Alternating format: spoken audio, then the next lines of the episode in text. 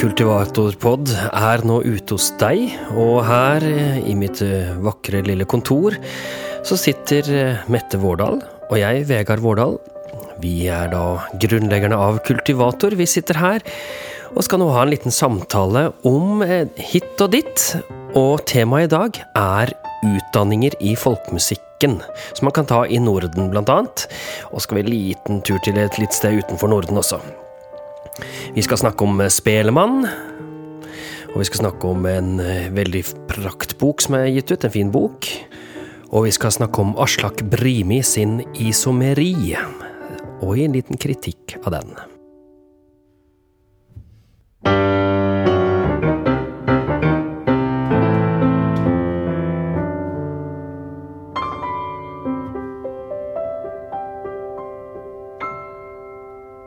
Ja, men kjære kone, hva har Britt Pernille Frøholm sin Fokkhaugen, Flottorp Solberg Heimespel, Mats Erik Odne, Logne Slåttar, Ronny Kjøsen Bohen, Bonde Bohemen til felles? Hva har de det? Du, jeg tror det eneste de har til felles, egentlig, er at de er nominert til Spellemann i eh, kategorien folkemusikk. For eh, da nominasjonene kom Altså, For det første, gratulerer til de fire nominerte. Oh, da, da, da, Kjempestas. Eh, og vi tenkte at her skulle vi se om vi fant en eh, retning i folkemusikken. Om det var eh, Om juryen hadde et, noen favoritter. Men først og fremst så syns vi kanskje dette her er veldig forskjellige plater. Og det er jo gøy. Det viser jo bredden innenfor folkemusikken. Eh, og når vi skulle karakterisere den, så fant du ut at eh, disse platene de kan sammenlignes med filmer. Ja, jeg tenkte kanskje det, altså. Fordi, altså, hvis du tenker på Britt Pernille sin eh, plate her, Fokkhaugen. Da setter du deg i sofaen, og så ser du på en eh, dokumentar eh, om et lite sånt sted langt inne i Hutteheita. Og der eh, kommer du, og så får du oppleve et bryllup. Du får oppleve en liten ku som står ute og rauter, og i nasjonalromantiske ja, omgivelser. Eh, men så får du liksom en dokumentarisk eh, følelse på det, da.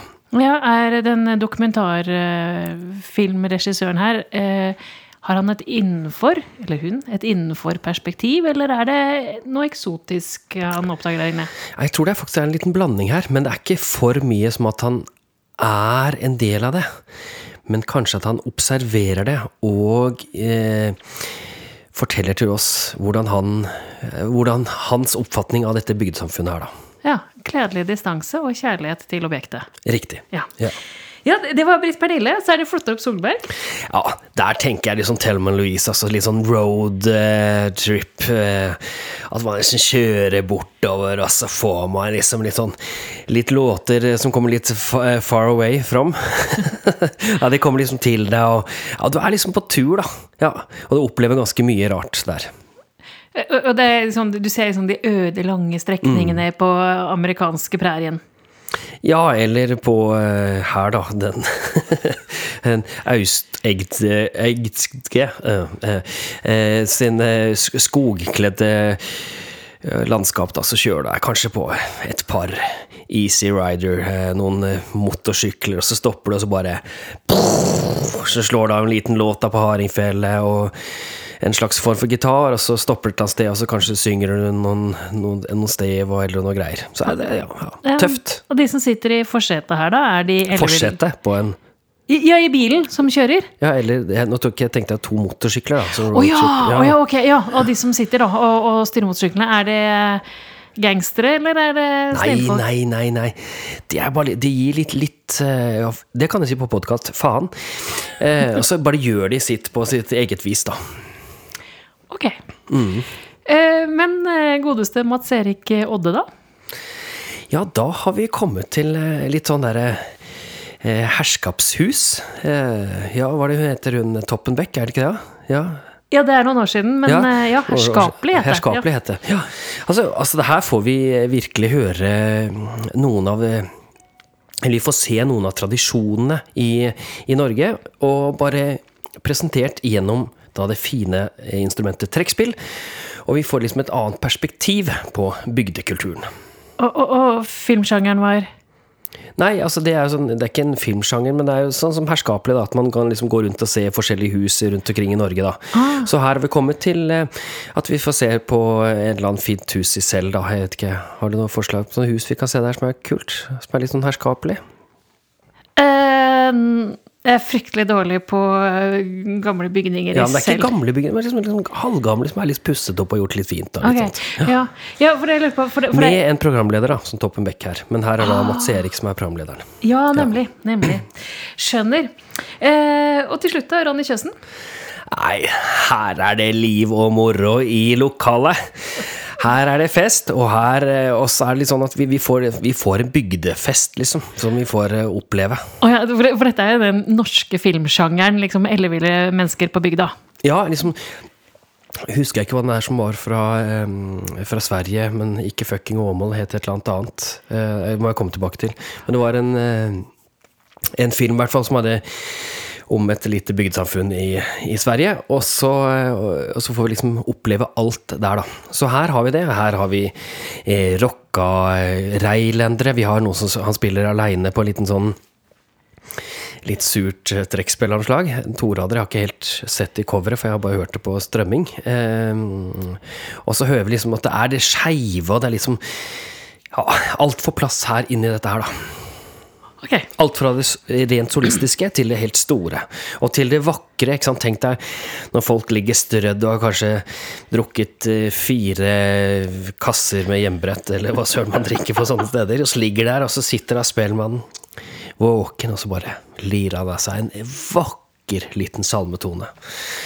Og da ser vi bare at alle sjelene flyr opp til himmelen. Men før du blir helt av sted her eh, Bottom line her, Ja. det er altså en bredde på, innenfor folkemusikksjangeren. Det skulle være noe for enhver smak. Tør vi tippe en vinner her? Eh, Ja, det gjør vi. Eh, Men eh, vil du at jeg skal tippe, eller vil du at du jeg skal tenkte du skulle få lov. Nei, altså Jeg tror du, du vil sikkert Du hadde jo favoritt på Mats Erik sist, så Jeg liker jo litt Ja. Toppen Beck. Ja, du liker det. Jeg gjør også egentlig det, altså. Men jeg lurer på om jeg kanskje liksom tenker sånn noen som tør å ta tak i det helt tradisjonelle, men gjør det på sin måte. Det er de to motorsyklistene her, som kjører i eh, Myrk, Mykland og i eh, Gjøvlandsdistriktet, altså i eh, nederst Ikke, ikke i Setesdal, da, Froland, rundt det området der. Så jeg tipper kanskje Flåttorp Solberg. Det er min, min gjett, da. Ja, Uansett, gratulerer til nominerte. Og så må vi også nevne at Aslak Brimi og Mari Midtli er eh, nominert i kategorien barneplate. Og Valkyrien i vise, og i tillegg Tuva Syvertsen som årets tekstforfatter. Ja, Valkyrien fikk jo også Prøysenprisen nå. Ja. Så det, er, eh, det drøsser ned her. Ja. Ja, det er fint, ja, det er gøy. Det er, gøy. Det er veldig mye som skjer. Eh, og for ikke så lenge siden så kom det faktisk en eh, liten pakke til deg, Vegard, apropos ting som skjer. Eh, levert i en plastikkpose fra Kiwi på YX i Vågå. Det er her vi leverer pakker. Og det var noe du hadde gledet deg veldig til. Ja, jeg må si at jeg har betalt mine kroner for den, og det var det så definitivt verdt. For dette her er et praktverk. Det er en bok om Ola Okshovd. Og det er Kjellbjørn Karsrud som har eh, skrevet den. Eh, og det er gjort så nitidig og fantastisk arbeid med denne boka. Og eh, det kan jo være at det er veldig mange her som ikke tenker at eh, Ola G. Okshovd, har ikke hørt om fyren engang. Nei, merkelig, jeg har ikke lyst til å lese dette greiene her. Det virker veldig nerdete. Og da kan jeg si til deg, ja, det er nerdete, men på et sånt stort annet nivå. Altså hvis du liker litt å høre litt om spelemannshistorier, litt om gammel kultur, litt om hvordan de levde før, og hvordan ting fungerte i den her eh, fine spellemannsverden, så, så se på dette her, for her jeg lærte masse nytt om andre ting enn Ola G. Okshovd, for å si det sånn. Ja, og altså, Han levde fra 1872 til 1960, så det er jo på en måte en ganske uh, ny historie i folkemusikksammenheng. Uh, og, uh, og Tallek skriver jo om denne boka og om uh, Okshovd at han levde i Øystre Slide på slutten av 1800-tallet, og i hans levetid gikk hele samfunnet gjennom store om omveltninger, noe som førte til at den gamle folkekulturen kom under press. Samtidig åpnet det seg nye muligheter både teknologisk, sosialt og økonomisk. Og hele den bredden. Og er det noe vi liker, så er det jo det som går i dybden på eh, kultur og setter ting i perspektiv og har med seg kontekst. Og dette her er, ja, det er jo en anbefaling på det varmeste til alle som syns dette her er interessant. Ja, jeg har ikke fått lest ferdig hele ennå, men jeg er kommet eh, ganske godt i eh, vei. Og så tenkte jeg skulle kose meg med dette her litt videre når vi skal ha vinterferie nå. Da har jeg litt mer tid til å sitte bare ute og nyte denne her boka. Ja.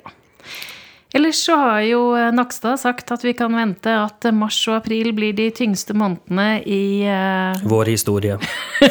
ja, i alle fall i denne koronahistorien. Uh, men heldigvis så begynner jo ting der ute å finne en viss digital form. Og jeg syns det har vært noen gode altså Fra de første litt sånn panikkartede forsøkene, så, så syns jeg eksempler som Fel-Jakob-jubileet fra Riksscenen eller eh, Norges Ungdomslag sin dansenerding og sånne korte seminarer er mye bedre eh, og godt å følge med på, og gjør at eh, det er fullt mulighet til å nøle på folkemusikk og folkedans, selv om det ikke er så lett å møtes. Ja, jeg hadde jo til og med sånn eh, folkedansøving på nett her, med Leikaringen i Bondeslaget i Oslo. Og da altså samlet var veldig mange fra USA og Danmark og Sverige og Norge da, som samlet seg. Og så hadde vi da 90 minutter med dans fra, de, fra bygdedansen i Norge, og så lekte vi oss med det, rett og slett. Over Zoom. Så jeg så de danse i de, alle de hjemmene de var. Og det var så utrolig kjekt å se folk bevege seg, og se at vi fremdeles kan gjøre noe sammen, selv om det var over Zoom. Og det som skilte seg dette her fra tidligere danseøvinger vi har hatt, for da har jeg bare sett meg selv på, på skjermen, ikke kunnet se noen andre gjøre noe. Og det var ganske stor forskjell å kunne faktisk se responsen hos de andre, selv om det var litt delay på dette her. Ja. ja. ja men det viser jo at, som eh, sier, at når man da kan samles på tvers av eh, landegrenser og verdensdeler, så er det jo noe her som vi kanskje kan ta med oss også når eh, vi håper, håper at vi snart kan treffes igjen.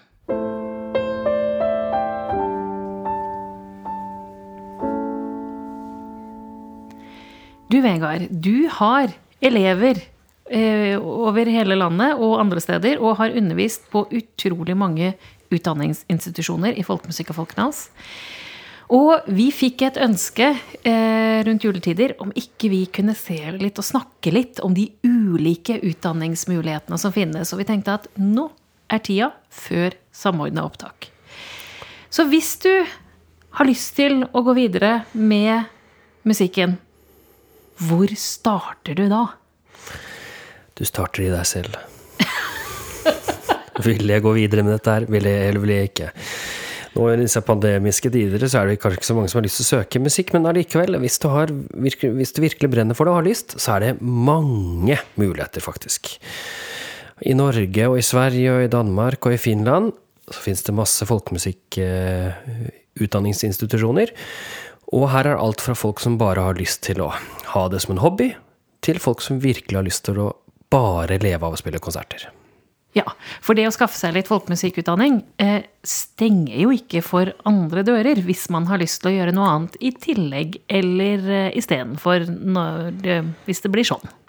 Derfor kan jeg først starte med kulturskolene. For altså, hvor eh, så ung som de, de tar jo Ja, det er veldig ulikt hvor eh, tidlig de tar inn i kulturskolene. men men det fins jo muligheter rundt omkring i hele Norge for faktisk å kunne studere, ikke studere, men å kunne lære folkemusikk på kulturskolen. Selv i Oslo så er det muligheten til det. Mm.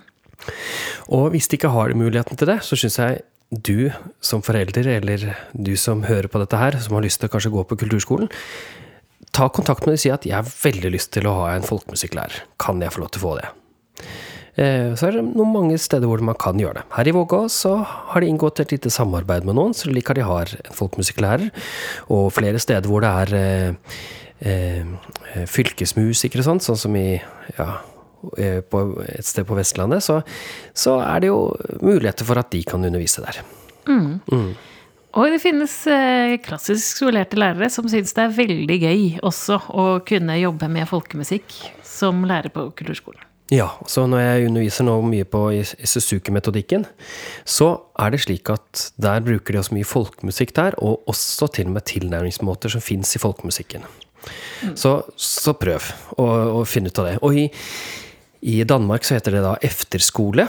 Og der har de også faktisk egne folkemusikklinjer og egne store orkestre med bare folkemusikk. I Sverige så er det vanlig kulturskole, men også de har egne folkemusikkorkestre, veit jeg. Ja. Så de har kommet litt lenger enn oss, da. Ja, men i starten så handler det jo først og fremst å komme over den bøygen det er å lære seg et instrument og øve tilstrekkelig til at eh, det går fra å være ren øvelse til å bli gøy og en nytelse å spille. Ja, nytelse for både barn og for foreldre, Det kan vi kanskje si. Det er ikke så lett å høre da, da, da, da, da, da, da en stund. Men samtidig så vet vi at det går over, for eh, våre to døtre er, er ivrige og spiller det ene og det andre. Nå går det Bach dobbeltkonsert, så det er jo hyggelig å høre at de kan komme så langt. Og hvis de ikke har lyst til å gå videre, så må man liksom akseptere det og finne en løsning på det. Ja, Men hvis det da er noen som skal bestemme, bestemmer seg for at dette har de lyst til å gjøre mer med, Ja, da kan man nemlig, før man går på eh, universitet og sånn, så kan man faktisk velge landslinja for folkemusikk. Og nå er den plassert på Vinstra. Før så har han både vært i Fagernes og på Valle. Jeg kommer nettopp fra Valle nå og vet at jeg har hatt det der, og de savner denne linja svært mye. Men nå er det på Vinstra, og der er jeg også lærer, sammen med bl.a. Ingeborg Ulberg Sommer og eh, ja, Ingeborg Dalheim, og Tom Wille Rustad er inne litt som timelærer, og ja Bjørn Kåre har vært litt vikar og sånt der. Bjørn Kåre og Odde. Ja, og Landslinje vil jo si at du kan være fra hvor som helst i landet og søke om eh, plass her. Eh, og så har du mulighet til å komme inn. Eh, og det er jo da en musikklinje med vekt på folkemusikk og med folkemusikklærere. Og søknadsfristen er 1. mars. ja. Så det betyr ganske snart. Og for hvis du har lyst til å prøve å søke der, så må du ta kontakt med Vegard Moshagen på Vinstra videregående skole. Og eh, det er jo noe man kan anbefale. Virkelig at man søker eh, denne, denne linja hvis man har lyst. Fordi mange av de som har gått der, blir ikke nødvendigvis profesjonelle musikere, men de blir, blir en superressurs for lokalmiljøet, rett og slett. ja. Og så finnes det musikklinje ellers, og musikklinje gir eh, allmenn studiekompetanse også. Ja, så jeg er jo lærer også på Stange videregående skole. Musikklinje der for en elev, og sånt går det an å gjøre. Og når man er ferdig med videregående, så er det ikke alle som er så keen på å gå rett på å studere og bare sette seg på skolebenken og yes! Hva gjør man da? Jeg må gå på folkehøyskole. Ja. og da er det et quiz her. Hvor mange folkehøyskoler i Norge er det som har folkemusikk som spesialisering? Oi, skal jeg ikke se på fasiten din, og så gjetter jeg tre. Det er feil. Å ja. To. Ja. Det er en som virkelig er det, og det er Setesdals, Folkeskole, folkehøgskole, der hvor jeg kom fra nå. De har, har, er ny, nystartet og har virkelig, skal virkelig jobbe med folkemusikk. Og så har vi også da Toneim, som også tilbyr folkemusikk. Så når man søker på folkemusikk i den der folkehøyskolekatalogen, så er det disse to skolene som kommer opp. Men i tillegg så vet vi at eh, det går an å få til dette her på flere folkeskoler rundt omkring i landet. Eh, Og hvis man har lyst til å dra til Sverige, så her har jo de et hav av folkehøyskoler. Altså, det er bare så mange. Nå snakket jeg med, nå nettopp med min gode venn Patrick Andersson, og det virker som at veldig mange av disse folkehøyskolene nå mister sin bevilgning. Sånn, de er litt på knærne akkurat for øyeblikket, og det er litt krise nå i disse, denne, denne tiden her. Men tenk, du, du sitter på gutterommet og så har liksom hørt på da. Så spiller du litt fløyte, og så spiller du litt gitar. Og så tenker jeg ah, men jeg har ikke lyst til å spille sånn norsk folkemusikk eller sånn der kjedelig tradisjonsmusikk da, di, da, di, da, di, da, di, di, di, da. Så det du gjør da istedenfor, da drar du rett og slett til Sverige. Og så går du på Birka, og så søker du folkrockskolen der. Og så bare wow! Eller du kan eh, gå på Inderøya og søke på jazzlinja der og ha folkemusikk, med folkemusikk også. Og i Sverige så er, det da eh, har de, er folkeskolene litt annerledes enn i Norge. Der kan man gjerne være mye eldre, og så er det mer konsentrert undervisning på dagtid, og ikke så mye det er ikke så fokus på at man kommer rett fra videregående. Nei, det er jo ofte sånn eh, eh, hvileår eller omstillingsår eller noe sånt, noe, så det er et mye mer sammensatt eh, studentgruppe. Ja, så der kan det også være studenter som er 50 år, eller 40, 35, til og med 36. Ja, så jeg var jo lærer i mange år på Malungs folkehøgskole, og der var jeg lærer i dans. Folkelig dans. Men der er det også folkemusikk. Og jeg vet at Gotland har en ganske bra linje. Bollnes har en bra linje. Skurup vet jeg også funker bra. Kjøvik har en, til og med en egen folkesanglinje. Og Bekkedal har jo masse. Så det her må liksom finne ut hva du vil. Ja. Ja, og alle har sine sære, særtrekk som gjør at du kan finne det som passer deg best. Men når du da er ferdig med videregående og kanskje har tatt deg et eh, år på folkeskole folkehøyskole både for å lære mer om musikken og finne deg sjøl, så er det fortsatt flere muligheter. Ja, da kan du tenke at åh, nei, dette med folkemusikk var virkelig ikke noe for meg. Og da kan du begynne på et universitet og studere filosofi. Hvis du vil, da. Nei, men Jeg vil ikke ta det som ikke er så, så folkemusikalsk, er at du kan faktisk gå på en leirskole også. Eller nå er det jo er jo, Det heter ikke det lenger. Altså Høgskolen Innlandet, da, som jeg lærer på også nå, Hamar. Der kan du velge en, eh, å gå lærerutdanningen der, og få folkemusikk eh, undervisning på hovedinstrument. Så det, du kan liksom tilpasse mange studier rundt omkring deg, selv om ikke vi de er spesialister på folkemusikk. Ja, og Vi startet med å snakke om eh, kulturskolen, og eh, det finnes jo også, altså det skal jo også formidles folkemusikk i skolen. Så at det finnes allmennlærere der ute, eller musikklærere der ute, som brenner for folkemusikken, det er viktig det for å få til rekruttering og få til eh, flere generasjoner som tenker at dette kunne vært musikken for meg. Ja, det er helt essensielt. Og nå har jo nettopp Høgskolen i Innlandet eh, vært gjennom sånn derre undersøkelse, og de har fått full score på, sine, på undervisningen, på instrumentalundervisningen. Så det betyr at det er bra der. Og så, eh, hvis vi da skal tenke at åh, nei, det er veldig kjedelig å være i Norge hele tiden, jeg vil dra langt av gårde. Da kan man dra helt til Finland. Og så kan man lære seg et språk som er helt umulig å lære seg, som heter finsk. Det er sikkert mange som kan det, men jeg syns det er vanskelig i hvert fall. Og så kan man studere der også, på Sibeliusakademien. Jeg starter nå i utenfor Norge nå, bare for å ta, for, sånn at vi kan sammenligne litt med hvordan det er i Norge etterpå. Og Sibeliusakademien eh, Der fins det to linjer, faktisk. Det fins både ren folkemusikk og da den som heter verdensmusikk. Og I tillegg så kan man også ta master der, og de har også noe som heter nordisk master. Nordisk master skal jeg komme tilbake til etterpå. Ja. Og så kan man studere i Sverige. Der har man Kungliga Musikkhøgskolan i Oslo. Nei, Oslo. I Stockholm. altså i hovedstaden der. Og der har du også mange eh, utdanningsvarianter som du kan ta.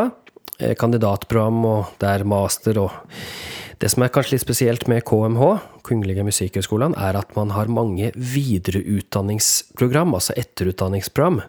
Mange flere enn man har i Norge. Så hvis man har lyst til å ja, lære seg litt om dans, eller et eller annet sånt, så går det an å få noen få studiepoeng der. I Norge så har vi det på NTNU, så har jeg litt dans hadde en stund der. Som vi tok, da. Dans 101 og 102 og 3. Nå går ikke det lenger, da. Men Ja, nei, det, det var eh, kvalitetsreformen som eh, droppet en del eh, småfag. Veldig, veldig synd. Veldig mye vanskeligere å få opp den type etterutdanningstilbud på små fag i Norge. Så det er jo godt at det finnes andre steder. Ja. Og mange av de er da sånn på det som heter på svensk, som heter på distans, heter på norsk Eh, ja, nei, si brevkurs, det var jo i, gamle dager. Ja, men jeg tror dere skjønner altså på eh, at man ikke trenger å være til stede, da. Ehm, ja, det er Kungliga Musikkhøgskolen. Og så har man da i tillegg til det, så har man Göteborgs universitet. Og det de er veldig kjent for sin verdensmusikklinje. Og det er kanskje noen som mener at det er rett og slett Nordens beste verdensmusikklinje. Ja, og Ja. da er det, er det fordi studentene studerer eh, all verdens musikk, eller er det fordi at det er en samling av studenter fra hele verden som gjør at denne linjen blir eh, verdensmusikklinje. Nei, de studerer eh, musikk fra hele verden der. Så det er, det er ikke noe sånn Men du får lov til å velge din retning selv, men det er veldig mange forskjellige studenter, og de er veldig gode lærere som er som setter av verdensmusikken høyt. Men nå er det vanskelig å si verdensmusikk, men kan vi si tradisjonsmusikk fra mange deler av verden, da. Ja. Og så samles det, og så har de en veldig god linje på det der. I tillegg så har vi noe som er rett over grensen hos oss, nemlig i Arvika så har vi Ingesunds eh, musikkhøgskole. De har også en folkeskole i tillegg. Eh, og der kan man eh, studere for å bli musikklærer. Folkemusikklærer. I Danmark så fins det noe som før var Jeg husker da det kom. Da var jeg student på Norges musikkhøgskole. Og så hørte vi, og så var de danskene så misunnelige på både Norge og Sverige. Å, dere har så fin folkemusikklinje. Vi vil også lage det. Og så lagde dere det i Odense. Så jeg var der faktisk flere ganger. Jeg hadde, hadde ganske mye undervisning i Odense. Men så ble de også bundet av en eller annen reform, og så flytta de hele linja til Esbjerg istedenfor. Og der er den nå ja. Med mange gode lærere. Da har vi tatt Sverige, vi har tatt Danmark, vi har tatt Finland. Men hva er det i Norge? Kan ikke du ta vekk de der lappene foran deg, sånn at du ikke sånn, Ta det vekk. Sånn, ja. Vekk. Fint. Og så kan jeg heller spørre deg, Uten fasit? uten fasit. Ja. Ok. Det er en linje som har universitet i navnet sitt. Hvor ligger den? En som har universitet i navnet sitt, altså, eh, da tror jeg den ligger i Agder. eh, Og, og eh, eh, Universitetet Sør-Norge, kanskje? Er det det den heter? Ja, men ligger den Ja, Agder, ja. Hmm. Det Men hvor, hvor er det vi tok det studiet? Eh, Å, du tenker på Rauland? Ja, kjempebra, Mette. For da vi var eh, Eller vi. Eh, Da jeg var ferdig på musikklinja, så eh, dro jeg og fikk med da Mette. Trodde hun hadde tatt litt sånn prøvefag på universitetet. Sånne tullefag. Liksom-fag. Nei da, det er ikke tullefag. Filosofi er jo ikke det. Men altså Du har jo ikke studert filosofi. Nei, du har tatt X-fil. Ja, det er sant. Ja. Er det ikke det litt filosofi? Jo, jo. Jo, riktig. riktig. Å hjelpes. Her sitter vi og krangler, men jeg håper dere har det bra der ute. Eh, Uansett, vi dro et år til Rauland, rett og slett. Og der studerte jeg musikk. Og så pendlet jeg inn til Oslo, og så hadde jeg Sven Nyhus som eh, lærer på Norges musikkhøgskole. For da skulle han lage et studie på Norges musikkhøgskole til eh, meg og andre som, studerte, som likte å spille folkemusikk. da. Men der eh, er det rett og slett nå et bachelorstudium. Treårig. Ikke fireårig. Treårig. Ja. ja, for da vi gikk der, så var det fortsatt litt sånn De, de hadde vært folkehøyskole, og, og var litt sånn i overgangen, egentlig, mellom folkehøyskole og universitetsstudium. Men eh, de har, eh, de har utviklet eh, studietilbudet sitt vesentlig siden vi gikk der. Det har de. Og der er det jo også slik at man kan også kombinere med Hvis du har lyst til å studere blues på Notodden, eller litt generell musikk i Vestfold, så kan du kombinere det med det studiet her, da. Og det som er spesielt med plassen Rauland, er at der er det ikke bare musikk. Du får da folkekunst i tillegg. Ingen av de andre studiestedene i Norge har et sånt miljø. Hvor man kobler musikk og altså alle kunst, folkekunstarter, da. Så hvordan syns du det var å gå der, da? Altså, jeg gikk eh, tekstil. Eh, Det var veldig, det var veldig, veldig gøy. eh, Og, og vi tok det jo litt som vårt folkehøyskoleår, det skal sies. Eh, Men det var, det var fin Altså, det var litt ulike miljøer som møttes. Og det skal jo sies at var det noen som var god på å feste, så var det folkemusikerne. Oh yeah. Og så satt vi tekstiljentene og drakk te og strikket. Så det, var, det var greit å ha noen grunn til å være overløper og være med folkemusikerne på fest innimellom. Og jeg, jeg syns det er eh, kjempefint det dere har klart å skape på Raulo nå. Jeg har vært der et par ganger og besøkt de, og det, det ser virkelig bra ut. Det er fine lokaler og uh, veldig godt eh, lærer, læremiljø, virker det som. Altså gode lærere som bygger hverandre. Så der kan man uh, studere hvis man vil. Men de, de har kanskje litt mer fokus på andre ting enn rent utøvende. Så de har jo liksom nei, folkemusikken i samfunnet og litt mer det. Andre året er det mer fokus på hovedinstrument enn første året, f.eks., og litt, litt sånne ting. Mm. Men jeg syns det var helt ypperlig for meg. Altså, jeg vet at det var en annen studie, studieplan da jeg gikk der. Men jeg gikk der og lærte masse om norsk folkemusikk når jeg var der. Og jeg har permer på permer vi har nettopp nå har ryddet opp i, med notater fra forelesninger der. Mm. Ja, og jeg kan tenke meg at de er jo et studiested som kanskje ligger tett opp til eh, Unescos eh, intensjon om det å, å eie en sånn helhet i kulturen, eh, mer enn som sier, den derre spissa hovedinstrumentutøvingen. Ja. Mm. Så det er altså ett et studium. Og så har du i tillegg da Norges musikkhøgskole. Det er da kanskje det som ja, er eh, mest fokusert på ren utøving og på eh, Hva skal vi si Altså Der er det veldig stort fokus på hovedinstrumentet, og det er det som er hele faget. Og i tillegg til det så har du noen sånne støttefag til hovedinstrumentet. Men det er hovedinstrumentet som er tingen. Ja, og her har du vel, altså Hele institusjonen er jo bygd opp, selv om du har jazz her også, så er det jo det er liksom den klassiske tankegangen som mm. ligger i bunnen, i ryggmargen på denne institusjonen. Og det er jo eh, drilling på spilling. Det er det.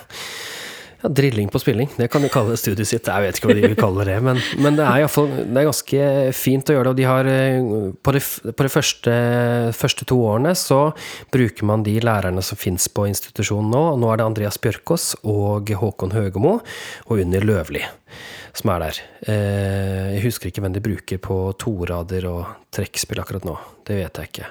Jeg lurer på Nei. Det får visst Det finner sikkert noen ut av når de søker.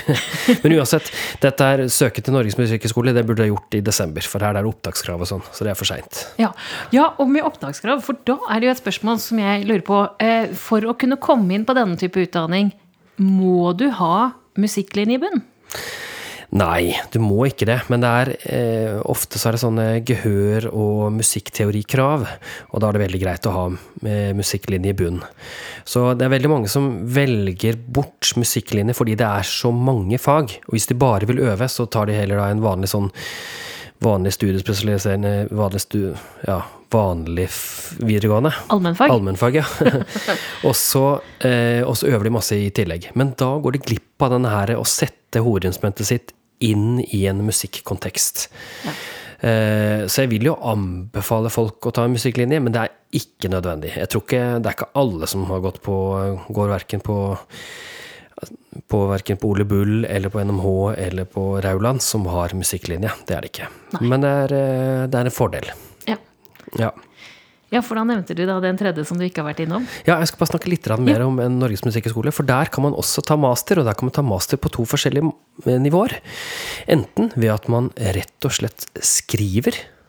At man har skriften som det, som det bærende i tillegg til utøvingen, da. Eller ren utøving. Og så er det store doktorgradsmuligheter der også. Og du kan også velge å ta kandidatstudier, altså som går over fire år, som PED istedenfor. Altså ta pedagogisk retning. Det er det ikke så mye fokus på, men det er det altså muligheter til. Og i tillegg til siste muligheten er at du kan ta noe som heter Frika.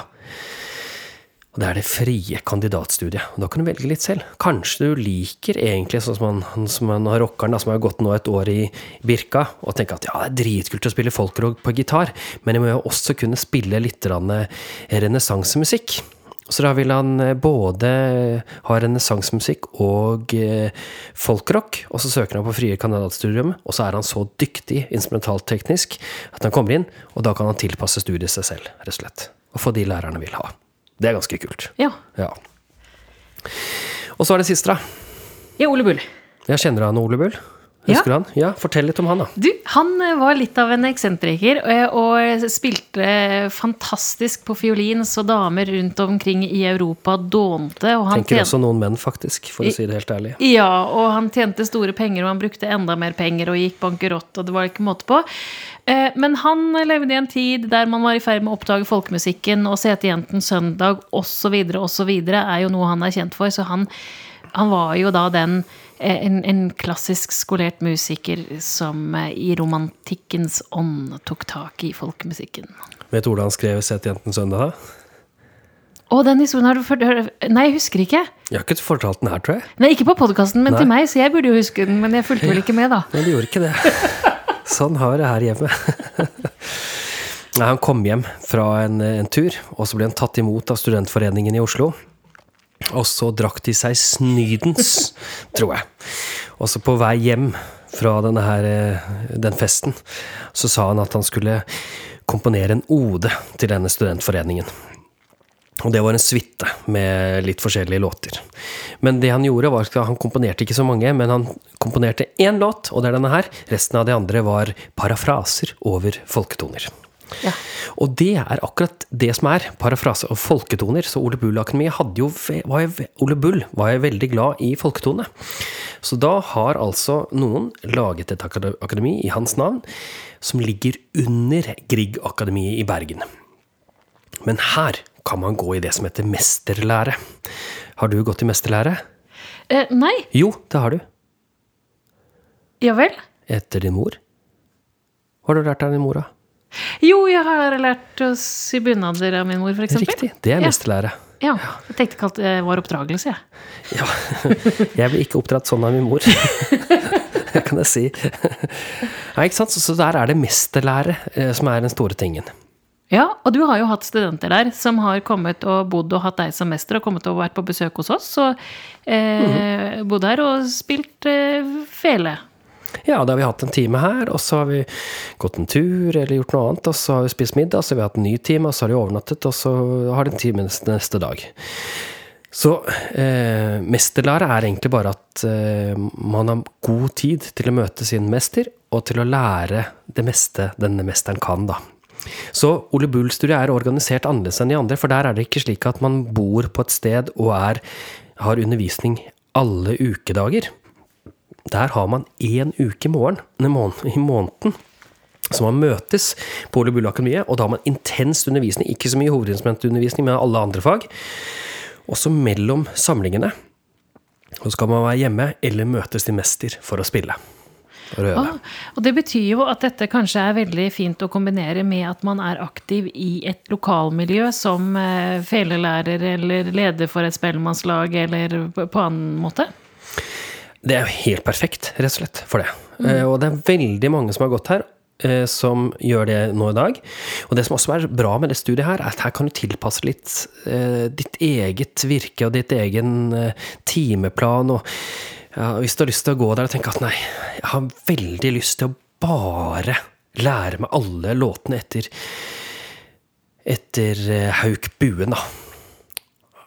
Riktig, ingenting annet. Du er ikke interessert i noe setsalstull eller noe andre greier, noe fykeruslotter. Nei, gud bevare. Det er Hauk Buen som er tingen. Da går du dit, og så går du og lærer hos Hauk Buen, og så lærer du alle slåttene hans. Men det betyr jo at som student så må du jo ha en ganske klar formening om hva som finnes, og hva du har lyst til å gjøre for å kunne skape et godt studium for deg sjøl. Ja, du begynner ikke på Ole Bull-akademiet uten at du har eh, gjort litt eh, research på forhånd, og har en forholdsvis klar plan. Men, men eh, altså, er vi nå ferdige nå? Jeg må fjerne fasiten min. Er vi gjennom alle utdanningsmulighetene som finnes? Jeg kan ta en liten sånn kjapp recap på dette her. Ja.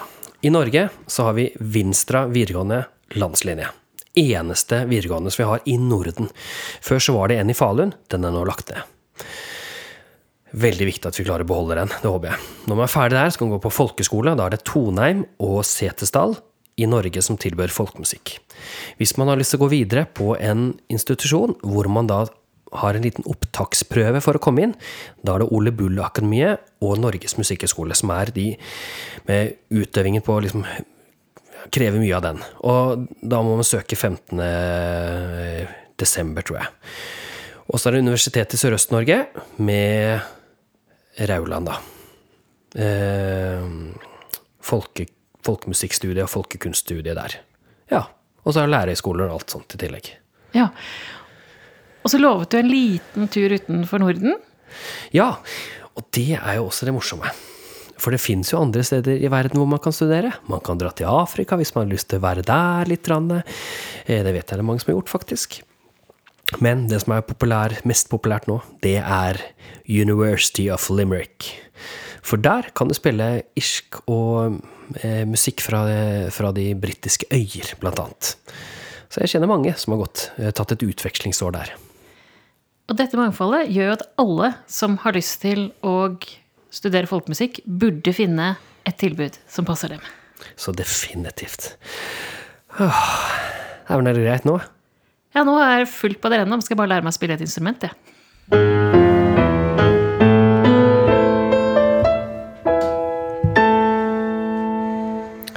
Ja, det ble en lang eh, sak om utdanninger i Norden, men eh, det var kanskje greit, var det ikke det? Definitivt. eh, Og det blir langt når det faktisk finnes så mange muligheter. Ja. Men vi har altså fått en e-post med et ganske kul plate. Og det er altså Isomeri som Aslak Brimi Kvartett har gitt, ut. Og ja, hva slags plate er dette, Mette?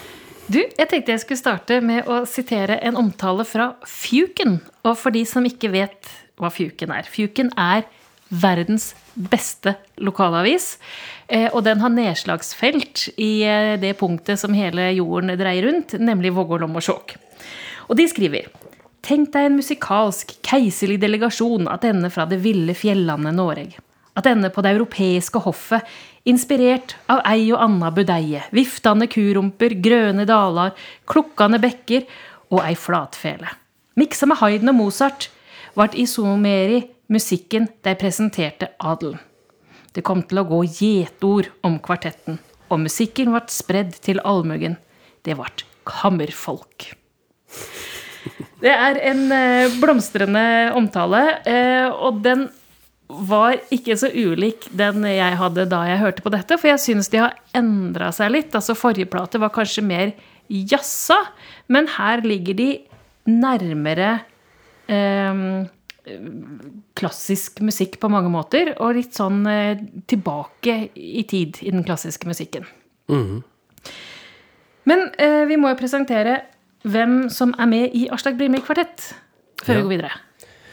Ja, vi har jo sjefen sjøl, Aslak Brimi. Han spiller jo feler. Og han arrangerer også en del av låtene selv, faktisk. I tillegg til å komponere alle.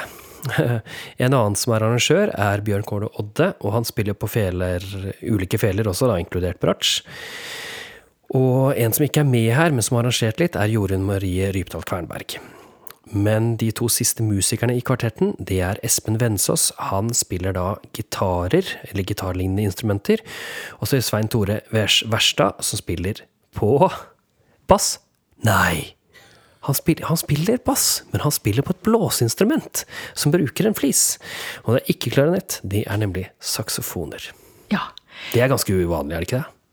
Jo, jeg eh, vil si det. Og kanskje spesielt den myke klangen på saksofonen. Og det kler kvartetten og disse arrangementene utrolig godt.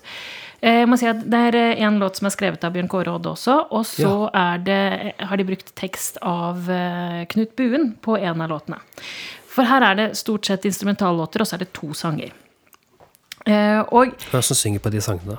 det er Aslak Brimi. Ja. Eh, Og så hadde de plateslippkonsert på Riksscenen. ja, da var jo Mari Midtli med også, så jeg. Ja, det var hun, og sang på flere. Og, eh, og altså Mari er en fantastisk eh, sanger. Eh, Gjør det helt nydelig, og kler også disse arrangementene og låtene veldig, veldig godt. Um, men, men vi tenkte litt på nå, nå vi, å, hvordan skal vi gjøre dette her? Og så tenkte vi vi skulle sammenligne det med noe. Så når vi skal snakke om det nå, så blir det på en måte en sammenligning da mellom plata og konserten.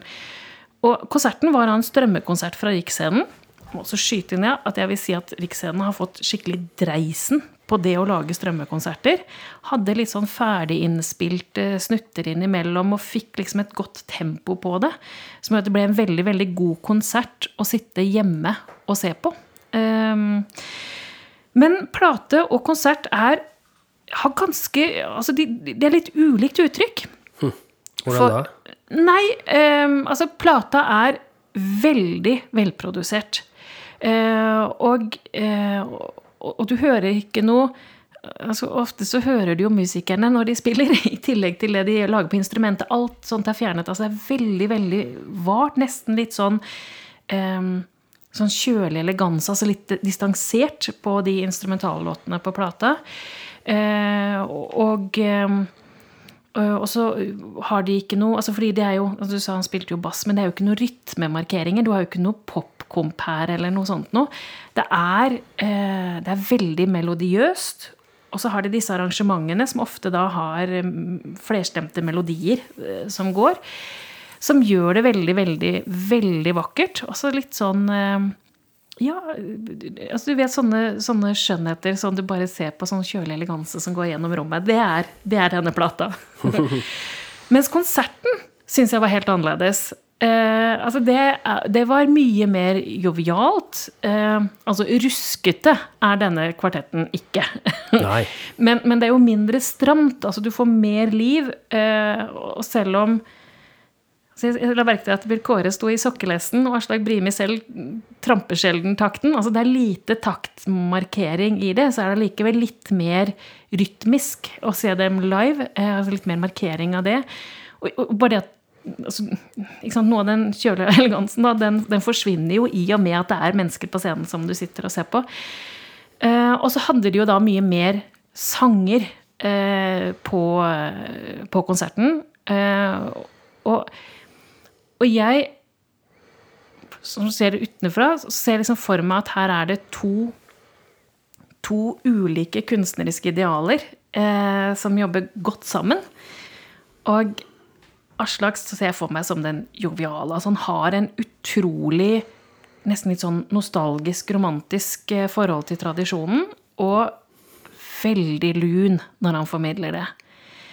Mens Bjørn Kåre Aade, som jo da kanskje står for de fleste arrangementene, har jo denne perfeksjonerte instrumentaltilnærmingen eh, til det. Og, eh, og, jeg opplever kanskje at Bjørn Kåres tilnærming dominerer på plata, mens Aslaks tilnærming dominerer på konserten.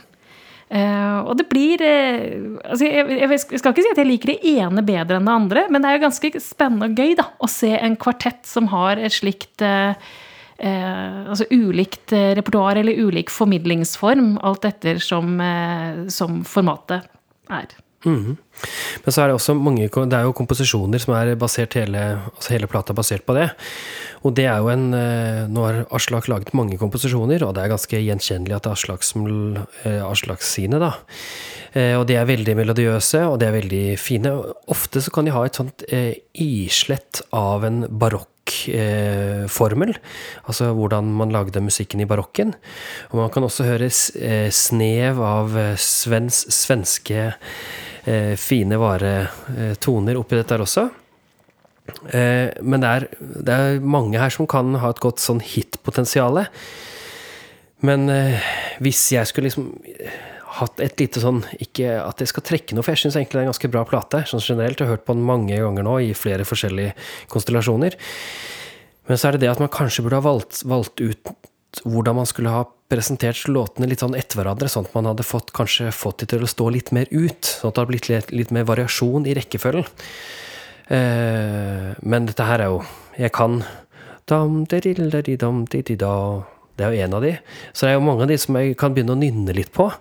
Eh, så det er en kul plate. Jeg anbefaler de fleste rett og slett å høre på den. Men hvis du, er, hvis du ikke liker litt sånn Hvis du vil ha røff eh, folkrock-stil, så tror jeg ikke dette her er greia for deg. Nei, overhodet ikke. Altså, det, er, det er vakkert, og ofte som, også sier, det er sangbare, kanskje ganske enkle melodier eh, i, i, positiv forstand. Det, det kjennetegner jo Aslak på veldig mye av det han gjør. Men så får du da disse eh, litt mer komplekse arrangementene som, eh, som gjør de litt uh, annerledes. Og, og, som sagt, når vi liksom diskuterte hvem vi skulle sammenligne med, så er det vanskelig å finne noen andre utgivelser som var sammenlignbare. Altså, de har helt klart skapt seg sitt eget uttrykk her. Og det syns jeg er veldig kult, for vi, vi, kan nevne noen av de jeg tittet på. Jeg titta på noe i Danmark med Harald Haugård sine, men han har en helt annen måte å spille på. Musikkmaskineriet, også en helt annen måte å spille på. Masse av de svenske produksjonene klarte heller ikke å finne noe. Så her er de, de har en egen stil.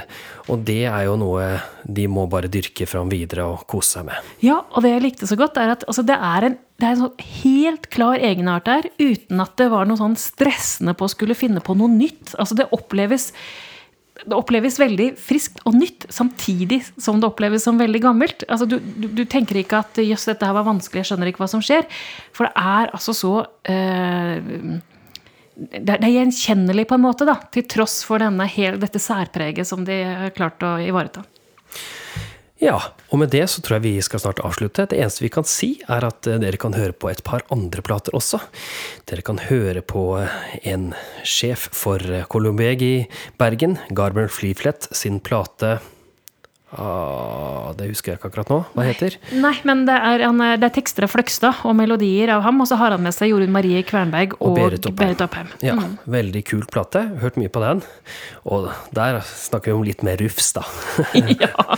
og så har vi eh, Liv Ulvik eh, sin eh, plate Østerlide, hvor hun også har med seg et par andre musikere. Østerlide er vel et band, tror jeg, med henne i spissen. Ja, og der er det nærmest standard repertoar av folkemusikk som, eh, som får gjennomgå i litt ulike arrangementer. Ja, og med det så tenker jeg dere har eh, nok å høre på. Nå har vi holdt på i ganske lang tid, og jeg håper det er greit for dere. Men igjen, hvis dere vil si, snakke noe med oss, eller ta kontakt med oss for å si at ikke gjør det sånn, eller kanskje gjør mer av sånn, eller kanskje dette temaet her kan være spennende for meg, så bare ta kontakt med oss. Vi eh, er ikke vonde å be, og vi er ganske greie. Både inni og utapå. Og da kan de ta kontakt med oss på Facebook, og da heter det Kultivatorpodden. Og dere kan sende oss en mail, kultivatorpodden, alfakrøll, kultivator.no. Hvis ikke så har ikke vi noe hemmelig telefonnummer nå heller, så det er, bare, det er bare å søke oss opp. Vi er så greie at Ja da.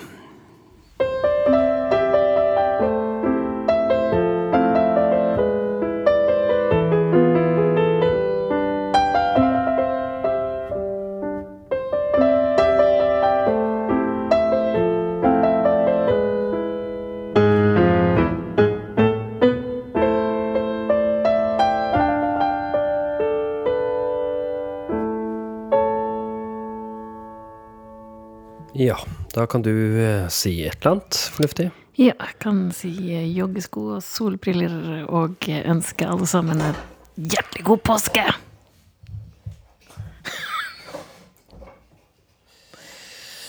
Tusen takk til sponsinga fra Freia melkesjokolade der.